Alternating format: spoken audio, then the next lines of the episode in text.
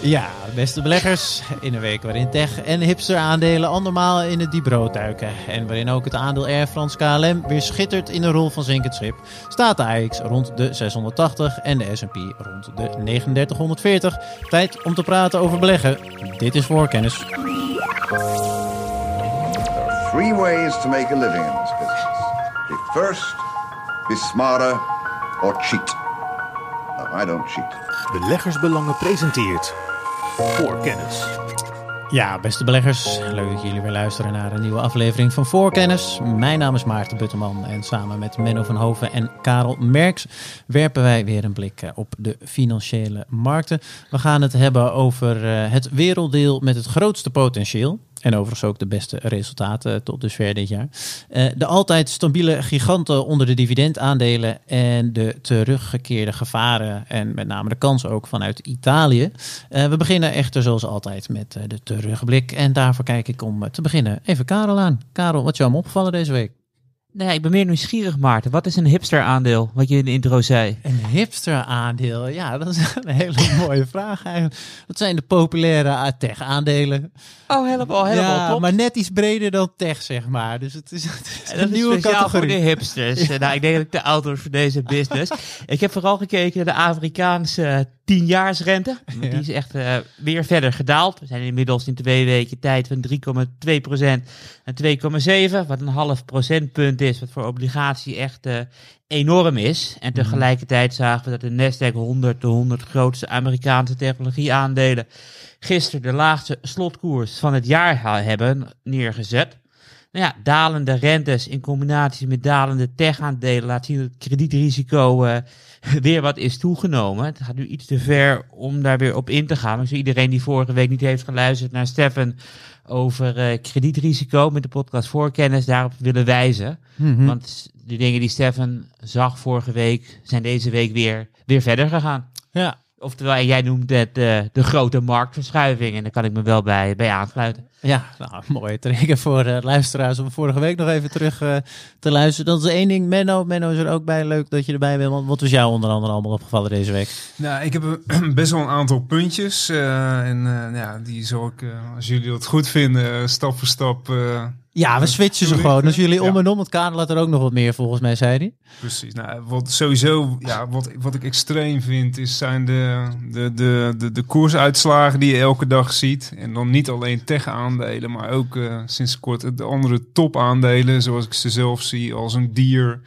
Uh, Ross Stores, uh, Target. En dan heb je het gewoon over 15. Ross vorige week op een gegeven moment min uh, 25%, net als Target. Ja, dat is bizar. Ik bedoel, uh, als uh, echte waardebelegger en koper van mooie aandelen zijn dat gewoon kansen die je niet kunt laten liggen, denk ik dan.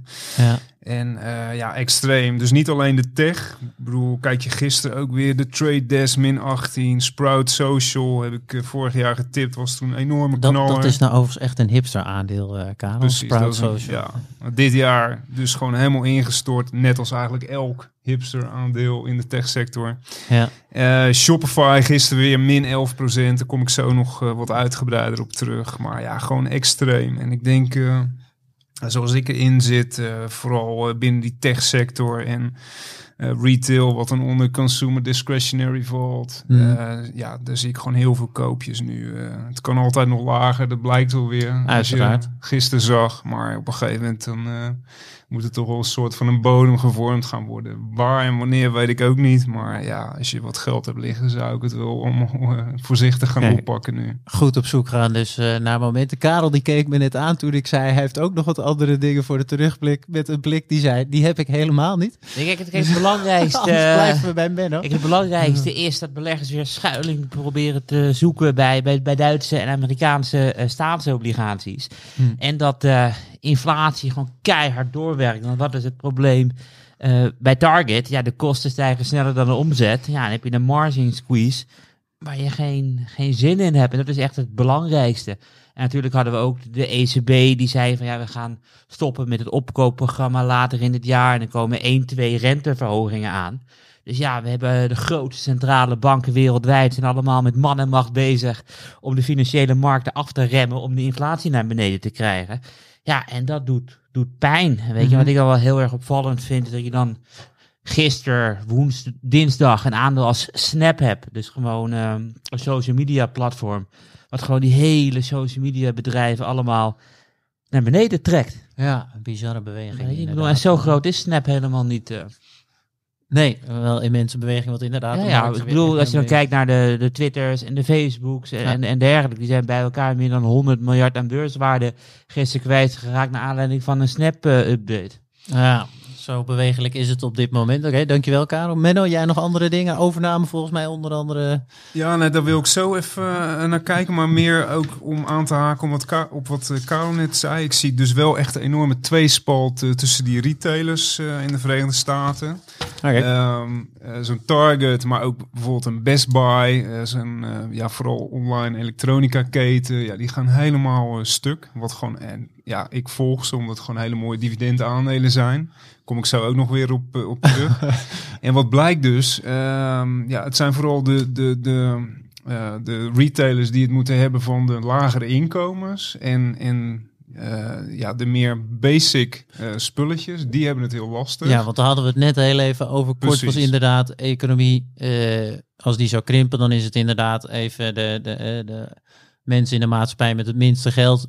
Eh, die dan het eerste daar hinder van ondervinden. En dus de standaard eh, spulletjes waarop wordt gekort. Was dan. Precies, precies. En vooral dus de, de, de duurdere, eh, big, bigger ticket items. Bijvoorbeeld de Target, ja, die, het, is, het is niet een, een supermarktketen. Ze verkopen Mhm. echt alles. Gewoon kleding, eh, dingen om je huis mee in te richten. Ja, dat soort spullen wordt gewoon op eh, bespaard. En eh, dat is gewoon een probleem voor die bedrijven. Hm. Maar ook kijk je dan naar andere retailers. Bijvoorbeeld gisteren Nordstream. Dat is dan weer een ja, higher-end retailer met duurdere kledingmerken tegen luxe aan. Ja. warenhuisketen. En die komt juist weer met een outlook-verhoging. Omzet in het eerste kwartaal 3,5, eh 23,5% omhoog. Gewoon naar niveaus van voor de pandemie. En wat je daar dus eh, ziet, is dat ze veel beter doen dan wat analisten verwachten.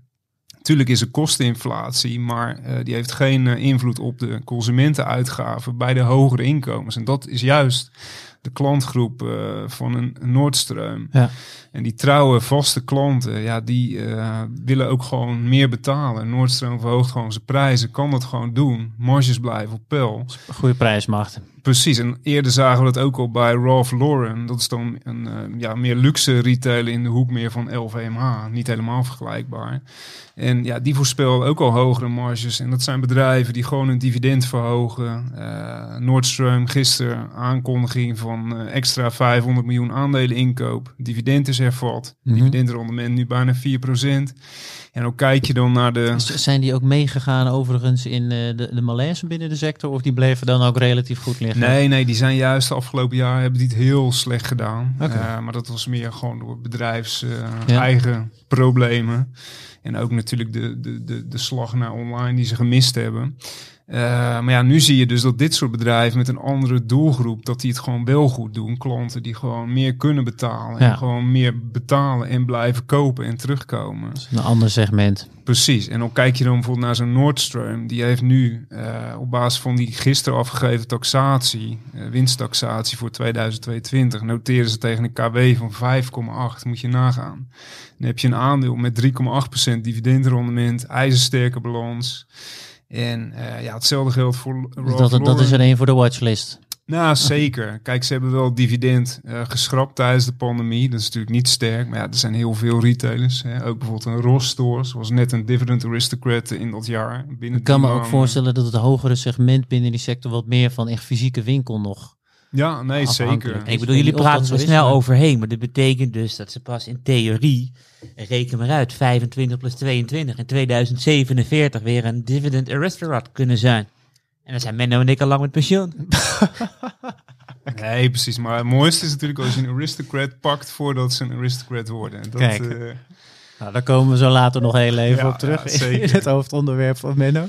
Alright. Ja, nee, om er nog even op door te, voor te borduren. Ralph Lauren, deze week gewoon dividend 10% omhoog. Dividendrendement 3,3%. KW van 10. Schuldvrije balans. Ja, dat zijn gewoon hele mooie aandelen die enorm afgekomen zijn. En die dus gewoon e- eigenlijk ja, bijna geen last hebben van het eh, hele inflatieverhaal. eh, op dit moment althans. En ehm, ja, wat je dan ook ziet, de- ja, wat ik al eerder aangaf, ze kunnen dus hun prijzen verhogen. Tuurlijk, ze hebben ook hogere kosten, loonkosten, transportkosten. Maar die vraag blijft ijzersterk. Ja. Juist door die klanten met een ja, bovengemiddeld eh, eh, Ik vind inderdaad een, eh, een leuke onderscheid dat Stefan had wees vorige week dus ook al even op de effecten inderdaad van wat dat soort winkels doen bij Target, noem maar op. Maar had het dan nog niet over dat onderscheid eigenlijk totdat jij Karel inderdaad zei van nou ik ben wel benieuwd naar de resultaten dan van Dollar Tree die of vandaag of morgen of gisteren met Ja, cijfers eh, morgen, komen. eh, zowel oh, morgen. Dollar Tree als Dollar General. ja. Oké. Nou ja, leuk. Dat is gewoon echt eh, een interessante sector om eh, nu naar te kijken. Tot zover dat, dat stukje van de terugblik. Nog andere dingen die waren Ja, nee, opgevallen? ik, ik had er nog eentje die Ja? Nee, nou, als je dat eh, van tevoren had gezegd, dan had ik veel minder voorbereid. ik bedoel, dan kan ik hier gewoon lekker luisteren, een beetje vragen stellen. En, eh, en ga je gang. Ik ga zo meteen heel lang mijn mond houden. Ja, ik geloof helemaal niks van. wat ik ook dus echt opvallend vond, eh, sowieso ook deels omdat het invloed heeft op de dividendportefeuille. Ik zie ja, steeds meer deals en dan ook toevallig, ja, eigenlijk niet toevallig, binnen de sectoren die het hardst zijn afgekomen. En dat geeft mij ook wel weer een indicatie dat we ja, toch wel echt met koopjes zitten in bepaalde sectoren. Eh, Broadcom eh, ja, is voornemens VMware over te nemen. Nou, Ja, VMware geen lullig bedrag trouwens. eh. Precies zou gaan om 60 eh, miljard. En ja, Broadcom zelf ruim 220 miljard. Dus in die zin eh, Hm. ja, valt dat mee. Eh, maar ja, VMware enorm afgekomen. En toevallig gisteren Nelson Peltz, ja, een vriend van mij... in de zin dat hij al vaak dividendportefeuille naar hogere niveaus heeft gejaagd... met een activistische actie.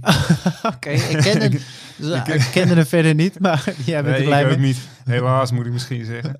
maar ja, die kwam gisteren in het nieuws met eh, de mededeling dat, eh, dat die fastfoodketen, of althans quick service restaurant chain, vergelijkbaar met McDonald's, Wendy's van de beurs zou willen halen. Mm. Eh, ja, Wendy's is gewoon eigenlijk een mini McDonald's. Ja, maar wel een grote speler ook. Ja, ja Amerika. 6000 eh, vestigingen, waar, waarvan bijna volledig allemaal franchise. Nou, eigenlijk, het is gewoon een soort van McDonald's, alleen McDonald's is veel meer internationaal gespreid. Ehm, ja, en daar zie je dus ook dat aandeel dit jaar min 32% Vandaag eh, ja, stijgen ze op dat nieuws dan 10% En ja, dat zijn wel aandelen, de, de hoek waar je het eh, kunt zoeken nu. Die koersen Ja. staan enorm onder druk. Maar het zijn wel gewoon goede dividendbetalers. Eh, ze kopen aandelen in. Op termijn enorme expansiemogelijkheden nog. Alleen nu gaat het even wat minder. Maar daar kun je van profiteren. En, en, en een laatste voorbeeldje daarvan eh, is ook bijvoorbeeld Swedish Match. eh Philip Morris International, Oh, tabaks. van die lekkere pruim eh, producent. dingetjes. Precies, precies. Daar is een bod op gedaan door eh, Philip Morris. Nou, ja, ik volg Swedish Match al eh, ja, behoorlijk lang. Het is gewoon een heel mooi dividendaandeel. Ze zijn vooral sterk, inderdaad, wat Karel zegt, in, eh, in, in smoke-free eh, tobacco. Dus die tuin, eh, pruimtabak. Vallen wel je tanden vanuit, hè? Dus, eh, Nee, ik moet er zelf ook niet aan denken. Eh, maar ja, het is wel... Maar aan het bedrijf als belegging wel. Ja, nee, Ja. het is de richting waar de markt op eh, beweegt. Het blijft natuurlijk eh, in die zin gewoon rookwaar. Maar ja, ja die, die, die tabaks- sigarettenproducenten die staan onder druk. Ja, dus ook daar is eh, die- beweging in de precies, sector. Ja. Precies. En eh, ja, je, je, ik zie dus, je ziet dus gewoon deals. En ja, dat is denk ik niet heel geheel toevallig dat het de laatste weken eh, ja, Aan het eh, toenemen is. Maar een, vraag Precies. daarover, Menno. Want ik wil je- altijd als jij een update maakt van de dividendportefeuille, dan schrijf jij het dividendrendement is, ja, ik heb de afgelopen week niet gelezen, maar ik gok 1,8% of zo ongeveer. Twee, twee was het. Hij is eh, inmiddels gisteren. twee. Oh, dat Ja. is inderdaad Hij wel is- afgekomen. Maar hij is zeg in het verleden is hij ook wel eens eh 2,5 geweest. Maar hij is Heel ook lang geleden. anderhalf Heel lang volgens mij geleden. op zijn Volgens mij hebben we ook toch? toen je begon was, het Klopt. geloof ik, geloof ik drie, toch? Hebben we ook wel eens gehad. Ja, misschien was het zelfs boven de vier. Of boven de vier, dus. 2011, ja. Ja, precies. Dus we hebben natuurlijk eh, een periode gehad van 11 jaar. Waar we natuurlijk zien aankomen van, van heel erg eh, goedkoop. En dat was ook de reden waarom je begonnen bent. 4% echte koopjes. Nou, wat Maarten zegt, anderhalf uur, anderhalf procent, wat echt, echt duur is. Dus we gebruiken dus dividend als waarderingmaatstaf. Mhm. Maar die twee, die zit toch meer richting de anderhalf procent, echt duur dan tegen de 4 procent. Dat het echt goedkoop is. Of mis ik iets in mijn... vraag, Karel. Nee, zeker. Tuurlijk. Het is, kijk, maar ik zeg ook niet dat eh dividendportefeuille aandelen allemaal spotgoedkoop zijn. Maar dat is gewoon een beweging in de markt. Ja, nee, maar ik bedoel, we hebben het over, over koopjes. Maar volgens mij is nog wel in theorie een, er zijn er veel grotere koopjes mogelijk als je ziet waar die aandelen op gewaardeerd zijn geweest in de afgelopen jaren of daarvoor nog. eh. Nee, dat is ook wel zo. Maar je moet ook niet vergeten dat vooral Amerikaanse aandelen sowieso lagere yields hebben. Hè. Dividendportefeuille zit eh, ja, voor twee derde in de Verenigde Staten.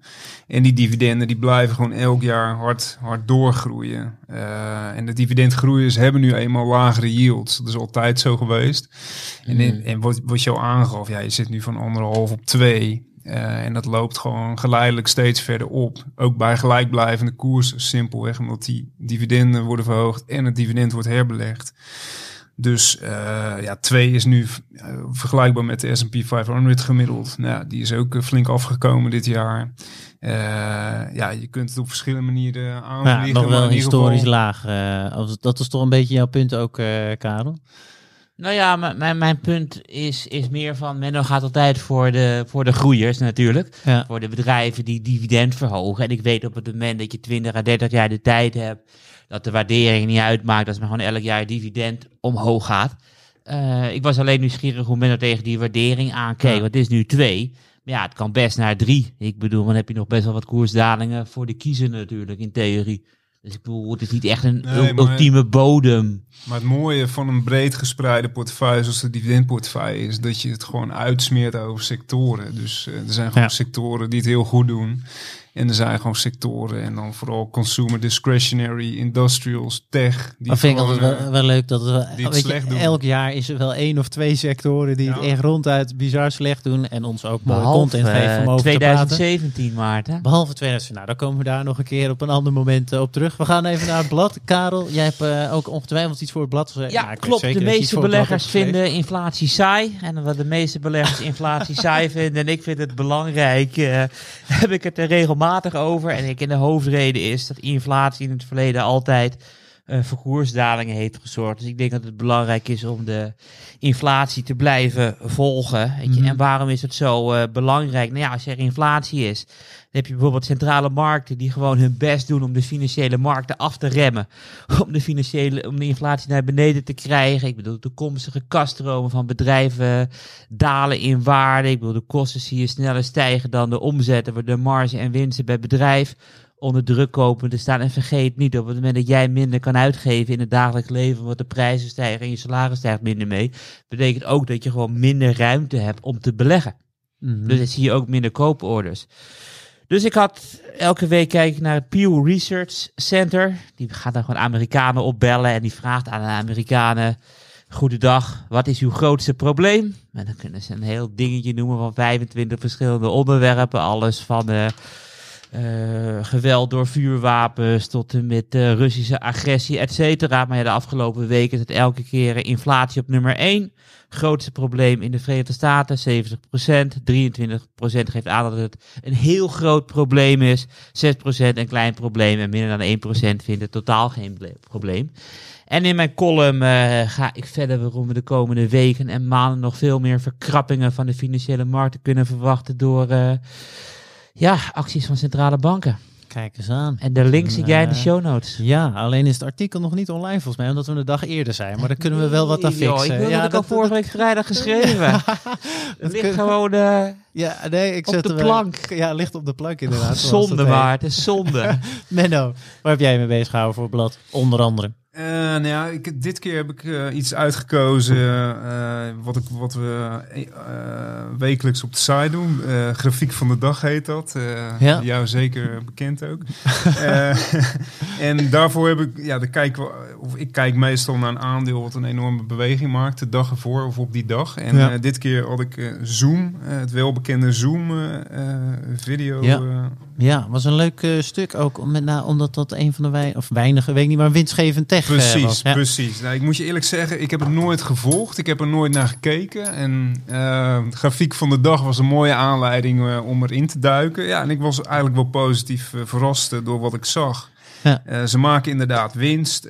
Nou, omzet groeit gewoon nog altijd met dubbele cijfers. genereren een enorme cashflow. En ze zijn gewoon langzaam bezig met het opbouwen van een enorme oorlogskas. Ben ik nou een enorme uh, zaggerijn als ik zeg van... We hebben een, een Microsoft die bijvoorbeeld met een Teams komt... die gewoon alles kopieert. Ik bedoel, waarom zou je Zoom gebruiken als er allemaal gratis alternatieven op de markt zitten? Want soms is er wat aan de hand en dan gaan wij dus... eh, thuis vergaderen bij beleggersbelangen. Dan hebben we gewoon een Teams meeting van Microsoft waar we op klikken. Waarom zou je zo'n premium pakketje kopen van Zoom? Nee, een hele goede vraag. En joh, zover ben ik ook niet ingegaan. Ik constateer alleen Nee. voor die grafiek van de dag. Menno zet, wilde hem Ik- op de watchlist ik zetten en kijk kijken naar de, van ik nou, kijk wat naar voor de zijn cijfers. dit. Ik ben, ik ben geen analist van het Nee. aandeel die er diep in zit. En ik, Maar ik, het ik, helemaal, kan, ik eh, kan wel kort ingaan op de vraag van Karel in die zin. Is dat dit, deze bedrijven Kijk. hebben enorm veel data tot hun beschikking gekregen. Vanuit die data kan je zo 1, 2, 3 een verdienmodel slingeren. Ja. Eh, dus je moet het alleen anders op de markt zitten dan bijvoorbeeld Microsoft dat doet. Dus je doet het net op een andere manier. En dan kan je gewoon een verdienmodel maken. Ik ben heel erg eh, nieuwsgierig. Ja, komen we een keer eh, op Het terug. klinkt als een soort eh, Netscape browser. Netscape trouwens. Menno wil nog wat zeggen. Ja, nee, zeker. Heel goed sowieso, Maarten, dat jij als techgoeroe hier eh, maar even eh, te hulp eh, schiet. Maar wat ik al zei, ja, ik kijk dus hier puur naar de fundamentals. En dat Ja. bevalt me wel. En eh, eigenlijk, eh, analisten die oordelen, oordelen ook bijna allemaal kopen. Eh, dat zegt niet heel veel, maar het zegt mij ook wel iets. En eh, ja, onderliggend ziet er gewoon prima uit. En, eh, Ja, want er waren iets- 40 analisten niet vol, 45. Eentje had het maar op verkopen Precies, staan. één- en de één- rest was helft kopen, helft... eh, Precies. Ja. Precies, maar wat dus voor Zoom geldt, geldt dus ook gewoon voor andere aandelen. Wat ik in het begin al zei, die gewoon keihard zijn afgekomen. Hè? Ja. Neem een Shopify, die kun je nu voor 325 dollar kopen. Stonden 1800 dollar in november. Dat is gewoon een half jaar geleden. Bizar. En dat is gewoon een bedrijf wat de komende jaren met 25% plus zijn omzet gaat laten verder groeien. En daar betaal je nu zeven keer de omzet voor. Nou, dat is helemaal niet gek voor een bedrijf met eh, dusdanige groei. En ook hier schuldvrij, enorme oorlogskas, 5, 6 miljard. Eh, KW, ze maken gewoon winst. Eh, natuurlijk tegen een hoge KW, maar die komt enorm hard naar beneden omdat Ja. er zo'n sterke groei is. Dus dat is allemaal relatief. En eh, ja, nog zo eentje is HubSpot. Ja, Eh, dit stond allemaal niet in jouw eh, artikel, als ik me goed herinner. Nee, Menno, maar je daarom. loopt gewoon even door te pluggen. ik, ik was door Karel. eh, was Allemaal ik, hipster aandelen overigens, Was ik Karel. die- gepusht om met extra nieuwtjes te komen voor de podcast. Dus dat doe ik bij Oké, deze. nou ja, heel goed. blijven we voor lekker doorstalken natuurlijk. We komen er allemaal een keertje je weet terug. het, hè, ja. Ook, ik, zie- ik zie steeds meer kansen binnen die volgens mij nu wel te hard afgestrafte Ja. techsector. Dat is een mooi, eh, mooi moment om verder te gaan. Voorkennis. Naar eh, het eerste onderwerp. En dat is het werelddeel met het grootste potentieel. Ik eh, quote even een columnist eh, van ons blad. Afrika is het werelddeel met het grootste potentieel. Het blijft echter een enorme uitdaging om die enorme schatten aan grondstoffen, slimme mensen en vaak nog ongerepte natuur om te zetten in succesvolle en duurzame bedrijven. Maar er zijn steeds meer gunstige tekenen van succesvol Afrikaans ondernemerschap en ook leiderschap. Toch zijn dit nog slechts uitzonderingen die de regel bevestigen. Dat was eh, vanuit een column, het vraagteken continent van uh, Robekeman Wim Hein Pals bij ons uh, op de website. Onze eigen Karel die het ook vraagtekens, maar dan wel over de waardering een tijdje geleden van Afrika. Karel, vertel. Klopt. Ik bedoel, jij begon met feitjes. Laat ik nog maar even een feitje erin slingeren. Van, ik bedoel, op elke wereldkaart wordt Afrika verkeerd ingetekend. Want China past erin, Amerika past erin en Europa past erin. Dus ook gewoon met stip uh, een mega continent natuurlijk. Inderdaad, ja. Dus op het moment dat je het normaal op een kaart zou zetten, heb je gewoon vooral Afrika wat je ziet. Nee, uh, 23 juni vorig jaar, omslagverhaal geschreven over beleggen in Afrika. Ja. Uh, er waren een aantal redenen dat ik toen de tijd Afrika onder de aandacht wilde brengen. En één daarvan was ja, echt de extreem lage waardering. Want je hebt daar aandelen te vinden die een, uh, een beurswaarde hebben lager dan de boekwaarde. Dividendrendementen van 10% en koers-winstverhoudingen van 2. En dan heb ik het niet over de verwachte winst van komend jaar. Nee, gewoon een koers-winstverhouding met een gerealiseerde winst. Dus extreem laag. Hmm. De, de waarderingen zijn zo laag Ja, omdat niemand zich voor Afrika interesseert. Dus ja, als er geen geld naartoe stroomt, dan gaan die waarderingen ook eh, niet omhoog. Een groot voordeel dat Afrika ne- genegeerd wordt, is dat er geen grote mondiale of institutionele beleggers in Afrika zitten. En dit betekent dat als de wereld bang wordt voor renteverhogingen van de ECB en de Fed, dat ze ook geen Afrikaanse aandelen kunnen dumpen. Want die hebben ze niet. Dus ik bedoel, laten ze maar lekker in de ontwikkelde wereld bang zijn.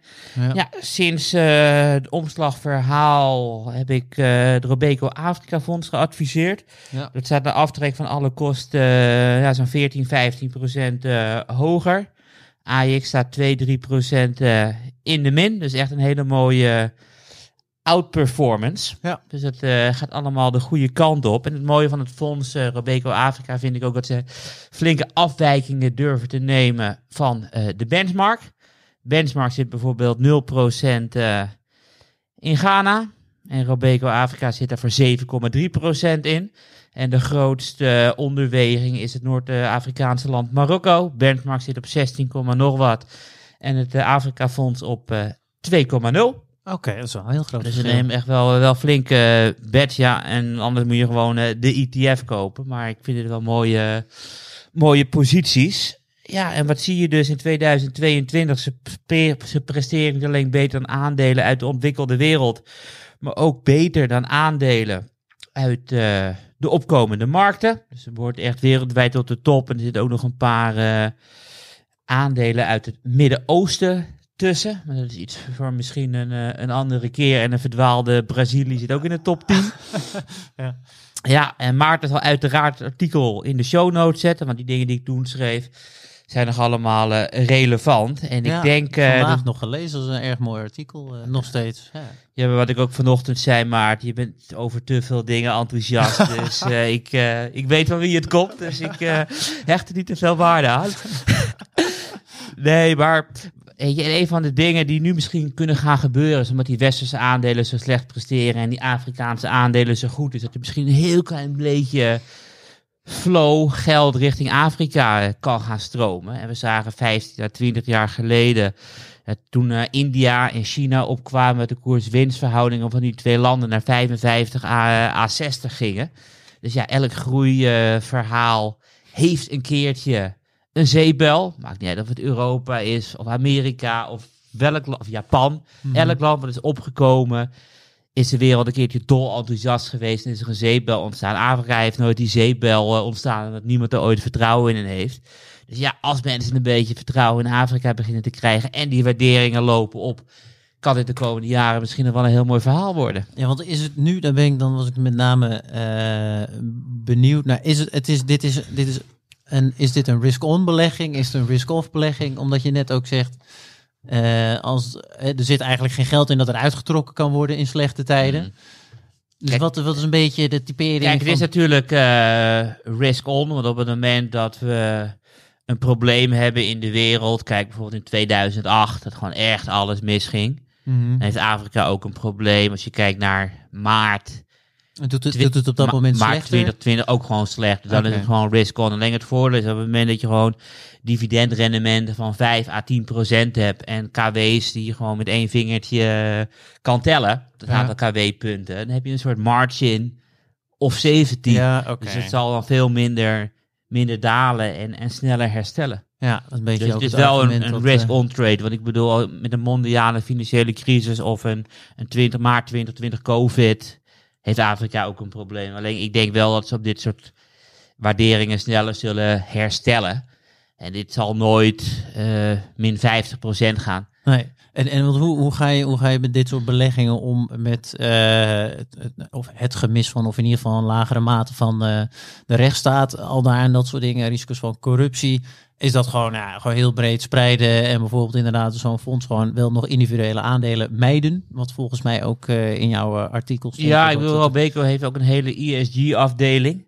Dus op het moment dat een bedrijf niet transparant is met de cijfers, of er zijn vragen bij, of het management reageert niet goed op vragen, dan gaat het ook gewoon uit het fonds. Ehm, wat dat betreft is, is Afrika wel een heel erg eh, divers continent. Ik bedoel, van die 53 landen zijn er ook heel erg veel eh, landen die gewoon echt heel erg goed presteren. Dus ik bedoel, als je bijvoorbeeld kijkt naar Kenia, ik bedoel, leggen ze hoge snelheidstreinen aan. En, ehm, dus ja, ik heb er op zich wel vertrouwen in. En de data en de research. Ik kan me voorstellen, jij en Menno, die of eh, Menno, ja, Menno ook ongetwijfeld, maar Stefan bedoelde ik in dit geval, Oh, hebben het altijd over, ja, je moet alle data uit Amerika halen, want het loopt helemaal terug tot en met, ja, ik noem maar wat, 1800 of zo. 1802. Ja, en Ja. dat is hier, de toegankelijkheid van de data lijkt me een stuk moeilijker dan een analyse eh, te maken. Maar daar zit jij verder niet over in, Robeke, die kan gewoon goed zijn research doen. Nee, kijk, het fijne is ook dat, ze geen, dat er 80, 90 aandelen in zit. Dus het is wel redelijk ook, ook goed gespreid. Ja. Eh, ja, kijk, en, en zij hebben ook zo'n hele research afdeling dat ze met eh, die bedrijven echt onderzoeken. Weet je, en daar heb ik op zich ook meer vertrouwen in dan gewoon een eh, blind een ETF kopen. Want Ja. stel dat je blind een ETF koopt, eh, de resultaten zijn dramatisch. Nou ja, waarom is dat? Ik bedoel, wat is het grootste bedrijf van Afrika? Kijk ik Menno aan. Ja, ik wilde net, weet Menno het. Ik ben ook benieuwd of de ge- gemiddelde tussen haakjes belegger überhaupt een belegging in Afrika Nee, kan maar doen. Ik kon het zelf Ja, niet, moet- behalve, wat was het, Napsus, waar Proces... eh, ja, nee, precies. komt. Dat is het grootste bedrijf, weet je. En zit- heeft dus extreem slecht eh, gepresteerd. Mhm. vanwege de extreem slechte prestaties in China. Weet je, daarop zit die benchmark ook zo slecht. En zij hebben gewoon een hele sterke onderweging ook in, in Zuid-Afrika. Mhm. Wat ze minder in, in, in Naspers zitten. Wat het toch ook meer een, een China-verhaal is dan een Zuid-Afrikaans verhaal eh, natuurlijk. Ja, Dus ik bedoel, ik denk bij opkomende markten heb ik altijd wel een voorkeur voor een actieve manager. Dat je dit soort dingen eruit haalt. Hetzelfde met, met China. Ik bedoel, dan heb je grote staatsbedrijven die zwaar meewegen. Ik bedoel, dan wil je ook eigenlijk iemand op de grond hebben die daar iets meer vanaf weet. ja, maar dat lijkt me ook een fijne gevoel. Zeker nog bij Afrika. Maar leuke belegging. En eh, ook al was het misschien gehyped, inderdaad ook nog een leuk artikel. Ik zou bij de show... Menno, heel kort. Ja, ik, je mag gewoon met ja of nee beantwoorden. Maar zijn er nog dividendaandelen uit Afrika die jij kent of niet? Nou, dat, dat wou ik net zeggen. Want Karel heeft dan over hoge dividendrendementen. Maar ja, volgens mij is Afrika wel echt zo'n continent waar qua dividendgroei, dividendhistorie, wat echt gewoon echt, ja, hoe zal ik het eh, netjes uitdrukken? Zeg het maar netjes.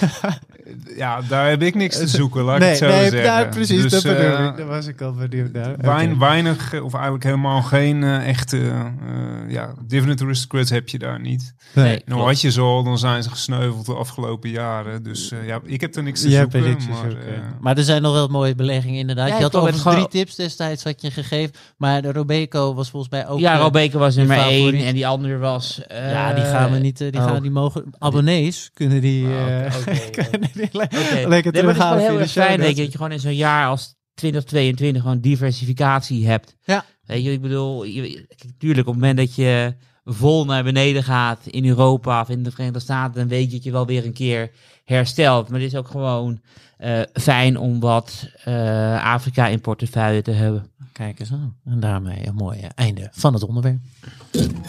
Voorkennis. Want aan het volgende onderwerp kwam al heel even aan bod een paar namen van eh, de Dividend eh, Aristocrats. Dat is een, een beleggingscategorie aan zich. En deze stabiele dividendgiganten giganten tonen ook nu hun eh, waarde. Menno, vertel. Ja, nou ja, dividend aristocrats natuurlijk, eh, en heb ik alleen naar de Verenigde Staten gekeken in dit geval. Het zijn natuurlijk de aandelen die dividend eh 25 jaar eh, of, of meer op rij elk jaar verhogen. Eh, Er zit een heel aantal van in de dividendportefeuille ook eh, uiteraard. Eh, ja, op dit moment zijn het er 64. Er is er dit jaar eentje uitgehaald eh, die overgenomen is. was een heel kleintje eigenlijk. People's United Financial eh, overgenomen. Dus dit jaar twee nieuwe aandelen ook. Verzekeraar, Brown Brown, Church and Dwight. Eh, ja, consumer eh, aandeel. Eh, maken onder meer eh, condooms van het merk Trojan. Ik heb er nog nooit van gehoord, maar in de Verenigde Staten zal het, een heerlijke naam, jongen. zal het de Durex eh, zijn. Dat eh vermoeden heb ik Genoeg zo. vraag naar. En ze maken onder meer ook bakmeel eh, en Wat een combinatie. baking. Ja, het is heel breed gespreid voor activiteiten. Maar dat is juist ook ja. goed aan dit bedrijf. Ja, En ze maken mondverzorgingsproducten eh, met het mooie merk eh Waterpik, Waterpik. Eh, daar kun je dus je tandvlees Ja. mee een onderhouden, toothpick, dat soort ja. zaken. Dus nee, heel, heel interessant bedrijf. En een aristocrat eh, natuurlijk. Ja, af en toe wordt er ook eens eentje uitgehaald. AT&T dit jaar, omdat ze dividend twee jaar op rij niet hadden verhoogd. Later zouden ze het zelfs ook verlagen. En ja, in 2020 Ross Stores, ik noemde het al aan het begin. eh stond Ja. net eh, drie maanden in de Aristocrats Index, omdat ze 25 jaar op rij dividend hadden verhoogd. Ja. En ze gingen er door corona gelijk binnen drie maanden weer uit, omdat ze het eh, geschrapt hadden. Nou, kijk je dit jaar naar de Aristocrats, doen ze het eigenlijk heel goed. Eh 8% daling tegen min 17 voor de S&P 500. En ja, een belangrijke... Groot verschil. Ja, zeker een groot verschil. En een belangrijke verklaring daarvoor is eh, nou, sowieso de twee beste performers in die Dividend Aristocrats Index zijn eh, de olie majors, eh, Exxon, Chevron. Plus 50% allebei ruim dit jaar. Ja. Dat trekt het gemiddelde natuurlijk leuk omhoog. En ja, er ontbreekt ook gewoon technologie in die Dividend Aristocrats Index. Om de simpele reden dat er nauwelijks tech-aandelen zijn die meer dan 25 jaar op rij het eh, dividend hebben verhoogd. Ja, en- als ze al zo lang bestaan überhaupt. eh, Precies, dat is het, ja. Dus bijvoorbeeld IBM is een voorbeeld eh, van een aristocrat, vrij recent toegevoegd. Maar ja, dat is ook wel, naar mijn idee, een van de minst interessante, of althans qua dividendgroei. Ze bieden ook niet geheel toevallig het hoogste dividendrendement van alle aristocrats met 5%. Waarom is dat niet geheel toevallig? Eh, nou, ja, omdat ze het, het dividend eh, dit jaar of vorig jaar met, met slechts 0,6% verhoogden. Dus de dividendgroei is het laagst. En wat je vaak ziet, aandelen met het hoogste dividendrendement, die verhogen Ja. dat dividend nauwelijks. Dus, eh, Ah, oké. dus IBM. Waardering dingetje. Ja. dus eh, ja, IBM op zich helemaal niks mis mee. Maar eh, ja, ik, ik kijk Niet aan- voor jou. naar de aandelen die dividend liefst met dubbele cijfers omhoog gooien elk jaar. Mhm. En daar zijn er ook genoeg van. Eh, zoals bijvoorbeeld eh, nou ja, dit jaar of eh, vorig jaar dan laatste verhoging Lois is eh doe het zelf keten. Eh, Ja. staat dit jaar ook enorm onder druk. Denk ik een, een, een kans hebben om op te pakken. Target, we hebben hem al veel eh, behandeld. Veel benoemd inderdaad. Want dit Was- zijn inderdaad aandelen die echt met 20, 30 procent volgens mij in de min staan Ja, op ja dit zeker. moment. Ja. Of nog wel meer. En ja, het bizarre is eigenlijk van Target qua dividendgroei vorig jaar gewoon de topper. en ja, je, we weten allemaal wat er met die koers is gebeurd. Vorig jaar dividend gewoon 32% omhoog. En eh, inmiddels doen ze het al, eh, als ik me niet vergis, eh 50 plus jaar. Ja, maar wat is jouw mooie leus ook alweer over dividenden en koersen? Ik vergeet hem elke keer, maar de dividenden is een mening. eh, Of nee, eh, andersom, koers mening, dividend is een feit. Precies, dat is het. Ja, Kijk, Target is- echt 30, 40 procent afgekomen volgens mij vanaf de top eh, ergens in Ja. eh, november vorig jaar. Kijk, en nu was de yield van Target was al niet bijzonder hoog. Maar ja, het is gewoon een aandeel wat eh, daalt van, eh, als ik me niet vergis, iets van 160 dollar. Of van 270 dollar naar 150 dollar nu. Dat is een enorme klap natuurlijk. Ja. Nou, eh, ik kan je één ding vertellen. Dit jaar gaat het dividend ook gewoon verder omhoog. Eh, natuurlijk eh, zit even een lastig pakket.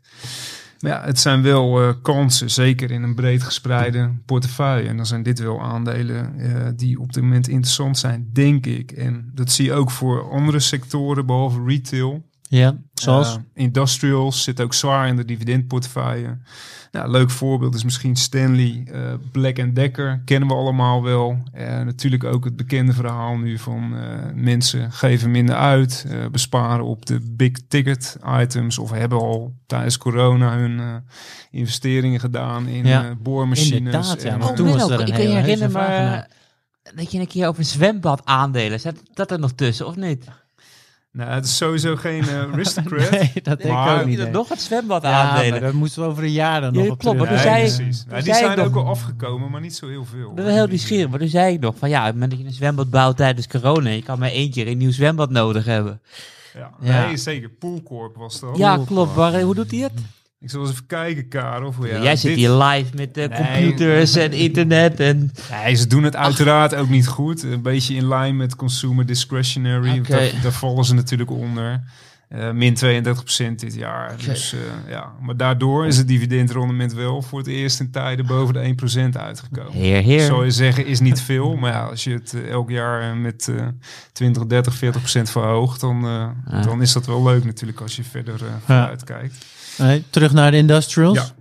Nou ja, goed, eh, sowieso eh, een één aandeel is weliswaar geen dividend aristocrat. Eh, zit wel in de dividendportefeuille. Is echt al vanaf het begin een van mijn favorieten. Parker Hannifin. Ja. Maar, heel breed gespreid qua productaanbod. Maken onderdelen voor vliegtuigen, voor skiliften.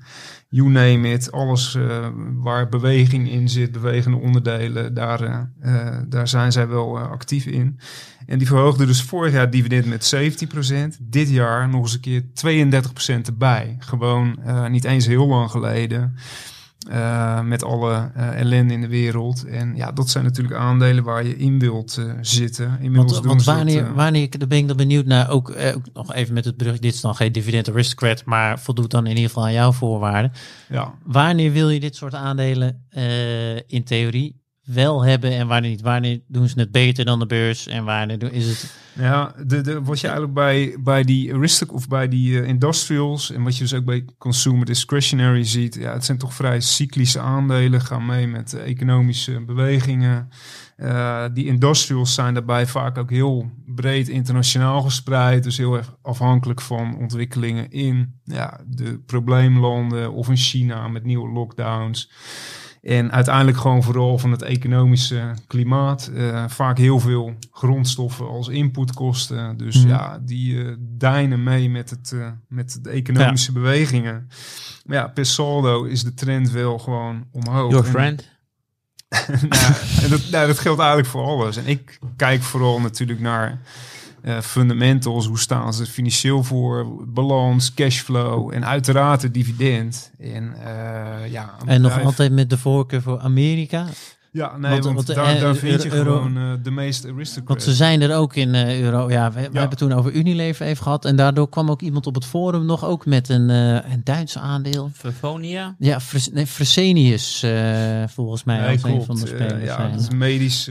ja, eh, volgens mij nierdialyse, dat soort. eh, Die er ook zo zijn, maar- twee eh, zelfs. Maar nee, inderdaad. Maar dus de verschillen zijn gigantisch. Europa, Verenigde Staten. En ja, in Europa heb je nou, minder dan twintig echte pure aristocrats. Bekende namen zijn Sanofi, Roche, Nestlé. Maar ja, dat zijn juist van die aandelen die ik niet interessant vind. Omdat ze gewoon het dividend elk jaar met 1, 2, 3 procent verhogen. En daar zoek ik toch wat meer. Nee. Dus ze hebben wel een mooie track record, maar dividendgroei, ja, eh, just doesn't cut it. En in de Verenigde Staten zie je gewoon bedrijven die het dividend 50, 60 jaar op rij verhogen. En er dan gewoon, net als Parker Hannifin, eh, elk jaar 20 of 30 procent nog eens een keer bij doen. ja, Ah, dat bestaat niet in Europa. Nee, dus, oké. eh, een pittig eh, groot verschil. Oké, Ja. super. Veel eh, koopjes, om het zo maar heel even te noemen. Dan zeker. altijd- vooral binnen die industrials en consumentensectoren en tech. Dat eh, ik denk dat je daar wel echt kunt gaan bodemvissen. Of die bodem gezet is of wanneer die gezet is, weet ik uiteraard ook niet. Maar het is nu in ieder geval een stuk beter moment om, om die aandelen op te pakken dan na eind vorig jaar. Dus op lange termijn gaat het gewoon omhoog. Daar ben ik van overtuigd. Ik eh, zal het eh, artikel, ook, ook over column overschreven vorige week, eh, voor de luisteraars ook nog heel even in de show notes zetten. Voorkennis. En want het is tijd om verder te gaan met het volgende onderwerp, het laatste onderwerp. Het is gewoon een knijterharde tip. Dat, eh, Knijterharde? Ja, knijt, ja, het is eh, eigenlijk voor het eerst te horen in de beleggerspodcast. Voorkennis, de klap op de obligatiemarkt eh, dit jaar zijn van eh, historische proporties. En dat leidt tot hogere financieringslast voor onder andere Zuid-Europese overheden. Karel, vertel, wat eh, wil je allemaal met de luisteraars delen? Ja, een heleboel. Ja, ik ben benieuwd. Als je kijkt naar de top 10 grootste economieën op de wereld, Ja. dan staat de inflatie eh, ja, op de hoogste stand eh, van de afgelopen 50 jaar. Dus het is een wereldwijd eh, probleem. Eh, de Citigroup Inflation Surprise Index, die ik ook wel de verrassing index noem, staat ook op een all-time high. Dit betekent dat de inflatie nog nooit zo ver boven de gemiddelde analistenverwachting is geweest in deze 10 landen. Ik zou iedereen willen verwijzen naar de grafiek van de dag van afgelopen woensdag van beleggersbelangen, waar ik ook deze index eh, neer heb gezet, want het spreekt echt boekdelen wat er op dit moment eh, aan de hand is. Ja. En de inflatie, eh Tampesa, spuit nog altijd wereldwijd uit de tube. en wereldwijd zijn centrale banken echt met steeds meer geweld bezig om die Tampesa weer in de tube te krijgen. Dus eh, Colgate is ook een heel mooi aandeel trouwens. En een dividend aristocrat. Ja. Dat, eh, ja, dus ik bedoel, een tipje ik tussendoor. bedoel in deze maand eh, koopt de ECB nog eh, beleggingen op. Maar ja, die eh, quantitative easing gaat ook stoppen in Europa. En we krijgen meerdere eh, renteverhogingen. Ja, even Dus ja- Voor, de, voor de luisteraars, de, de opmerking met de tube, dat heeft te maken in een proces dat niet meer om te draaien is. Voor het geval die, eh, dat bedoel dat Ja, ja, dat toch? klopt, Ja, ik dat denk klopt, voordat dat de luisteraar het niet helemaal begrijpt. Ga verder. Nee, dus ik bedoel, we zagen al de druk worden opgevoerd op de Europese economie door die gasprijzen, die natuurlijk enorm hoog zijn. Dus Europa is onderweg naar een recessie en er zijn eh, de ECB ook nog bezig om de financiële markten af te remmen. Nou ja, en dat is een combinatie eh, dat die recessie eigenlijk in Europa niet meer te ontwijken valt. En als je dan kijkt naar de afgelopen recessies, hè, liep elke keer eh, de rente in Italië op. En dat niet alleen, elke recessie was ook weer, eh, was er gewoon meer schuld dan de recessie ervoor. Dus de verhouding eh, Italiaanse schuld en Italiaanse economie is inmiddels uitgekomen op eh 151 procent. Nou ja, als je mee wil doen met de, met de eurozone, moet het op 60 zetten. Ik weet niet of iemand daar ooit nog aan denkt, maar dat was 1992 Maastricht. Nu is het Net 100, niet. 151. Ja. Ja. en dat is op dit moment is dat dus de hoogste Italiaanse schuld van de afgelopen 100 jaar. We zagen alleen, eh, Gelukkig zijn de rentelasten laag. klopt, klopt, maar de rente is dus wel al aan het oplopen. En we hebben natuurlijk ook gezien dat, eh, wat ik ook wilde zeggen, de enige keer dat de Italianen nog meer schuld hadden was tijdens de Eerste, eerste Wereldoorlog. Ja. Nou ja, en wat je dus nu ziet is een ECB die zich aan, het- aan het terugzekken is. En die rente in Italië moet gewoon omhoog. Want op het moment dat En daarmee ook diezelfde rentelasten. Ja, klopt. Want Ja. op het moment dat de ECB eh, niet meer gaat kopen, wie koopt het dan? Weet je, en op de financiële markten heb je de Lixer BTP Daily Inverse Usage ETF. En dan kan je inspelen op een, eh, een stijgende Italiaanse rente. Ja, want dat, dat le- leuk van deze tip, dat die werkt dus, nou je hebt het eigenlijk, ik wilde vragen, ga even in op het product en waar, wa- hoe doet hij dat eh, precies? Maar eh, dus wat is het, wat volgt hij, de 20 jaar zei je of niet? Of Tien jaars. een soort 10 jaar. En zodra die stijgt, dan gaat deze ETF stijgt er gewoon in waarde mee. Ja, klopt. Op het moment dat dus de Italiaanse rente daalt, dan daalt dit product. En ja, de vraag is een beetje een van... short is. Dus het is eh, Ja, de vraag is een beetje van ja, waarom zou dit de eerste recessie zijn waarin Italië geen problemen heeft? Nee. Ik eh, vond het eh, toen je het opstuurde en ik las het. Ik denk, nou, dit is inderdaad wel een heel interessante belegging voor dit moment. Wat is zij? Want ik weet dat, wat is het, de Duitse rente is van, eh, ook in korte tijd was die van negatief volgens mij weer naar ja, bijna plus klopt. 1. Is Wat, is het- en de Italiaanse is opgelopen van anderhalf eh, naar drie. Dus je hebt ook de zogenaamde spread. Ja. En wat je dus de afgelopen... Wat- wat heeft die ETF in die tussentijd gedaan? Weet je dat uit je hoofd of niet? Poeh, die afgelopen tijd is hij wel 10, 20 procent al opgelopen. Ja. Alleen, alleen eerst liep het op natuurlijk omdat er inflatieverwachtingen aan het komen waren. Mhm. En de podcast vorige week ging over dat op dit moment kredietrisico bij aan het komen is. Je ziet high yield zie je dalen. Je ziet dus de, de rente ook in Duitsland en in de Verenigde Staten zie je dalen. Eh, en Italië heeft, ik zie niet dat ze geen probleem gaan krijgen. Linksom of rechtsom. Nee, ja, interessant. Ik, eh, vele beleggers zullen, luisteren, zullen het ook nog eh, herinneren, de problemen van Italië. Van, ja, eh, klopt. Daarmee begon geleden. de eurocrisis natuurlijk. Ja. En ik bedoel, hoe eindigde de eurocrisis? Was onder andere de Draghi zei, I do whatever it takes. Even, even, even voor de, dat, je verwacht niet dit soort dingen, dat we meteen eh, 1, 2, 3, maar wel gewoon Ja, maar dingen gaan altijd heel erg langzaam natuurlijk. Ik bedoel, Ja. dingen, en Totdat zover is het eh, nog lang niet. Weet je. En het gunstigste wat gewoon de wereld kan meemaken is gewoon inflatiepercentages die dalen. En Mhm. zolang ze niet dalen, gaat er gewoon een probleem komen. En Italië is een van die probleemlanden. Ja. En helemaal als de ECB zegt, we kopen geen Italiaanse staatsobligaties meer. We gaan de rente eh, verhogen. En we gaan de financiële markten afremmen om de inflatie een beetje te beteugelen. Ik bedoel, dat heeft gewoon een probleem voor Zuid-Europa. Ja, Het is nog niet dat wij een eh, transferunie zijn. Dat we zeggen, we doen alles eerlijk. Nee, ik eh, vind het inderdaad een hele interessante eh, tip om na te kijken. Ik was zelf nog heel even benieuwd. Speelt Valuta nog op een of andere manier eh, een rol hierbij? Mocht dus euro sterker, zwakker worden? Nou ja, kijk, op het moment dat de eurozone uit elkaar valt, dan heb je dus een hele dikke valutawinst. Want? Nou ja, je gaat Niet, short niet in- dat ik daarvan uitga of iets Nee, dergelijks, maar, maar gewoon meer... ik ga er ook niet van uit, maar. Het is meer van, je gaat short eh, op, op de Italiaanse BTP, want je wil dus gewoon dat de koers naar beneden gaat en de rente omhoog. Mhm. Denk ik, op het moment dat Italië uit de eurozone stapt, ik bedoel, dan gaat die lira door het putje heen.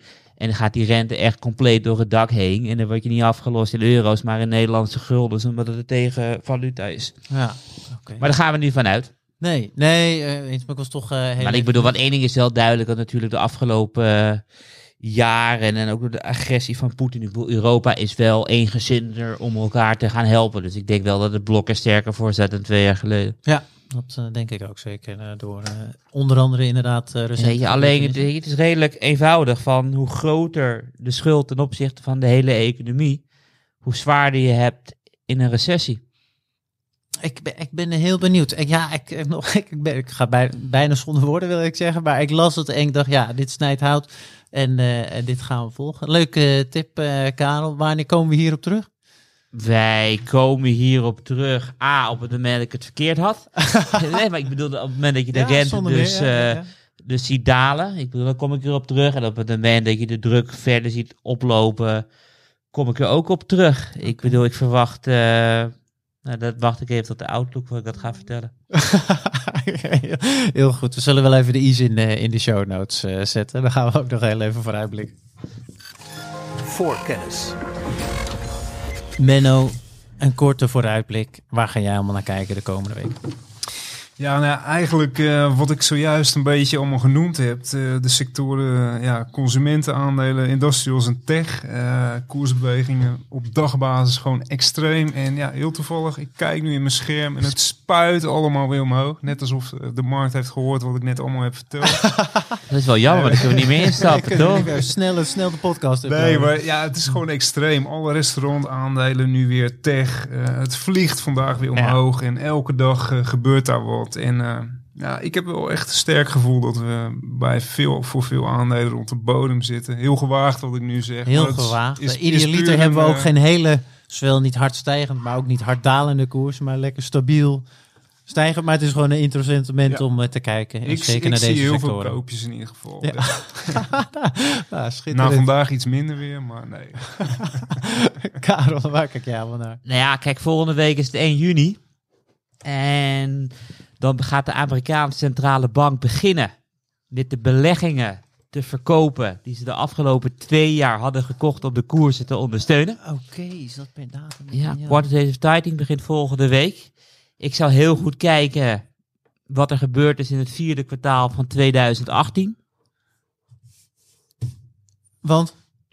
Dat was de laatste keer en enige andere keer dat we quantitative tightening uh, hebben gehad. Ja. Um, dus ik ben benieuwd uh, hoe het nu uh, zal gaan. Ik kom er uiteraard op terug. Daarnaast komt Nvidia met cijfers. Nou, volgens mij is het een heel belangrijk bedrijf. 400 miljard market cap. Mm -hmm. Nou ja, oftewel, Nvidia is belangrijk voor het sentiment rond de Nasdaq 100 ja, waar moet Nvidia het mede van hebben? De cryptomarkt. Nou, de cryptomarkt is natuurlijk het afgelopen half jaar van 3000 miljard naar 1200 miljard gegaan. Dus de okay. vraag is een beetje hoe uh, leidt uh, Nvidia daaronder? Ja, en daarnaast uh, die marktverschuivingen waar Stefan het vorige week over had, ga ik volgen. Ja, en elke dag gebeuren zoveel dingen die je niet van tevoren had kunnen zien aankomen. Nee. Dus daar, en, uh, nu ga ik luisteren naar een heel leuk muziekje. Ja, beetje bij beetje kunnen we dan het geluidje laten inleiden. Waarmee we het einde van deze podcast uh, altijd inleiden. Menno, hartstikke bedankt voor je aanwezigheid. Zoals altijd uh, weer. En Karel, je uiteraard jij ook bedankt voor je bijdrage. En jij als presentator, Maarten. Was weer, jou was het ook niet mogelijk. Genoegen. Beste luisteraars, tot volgende week.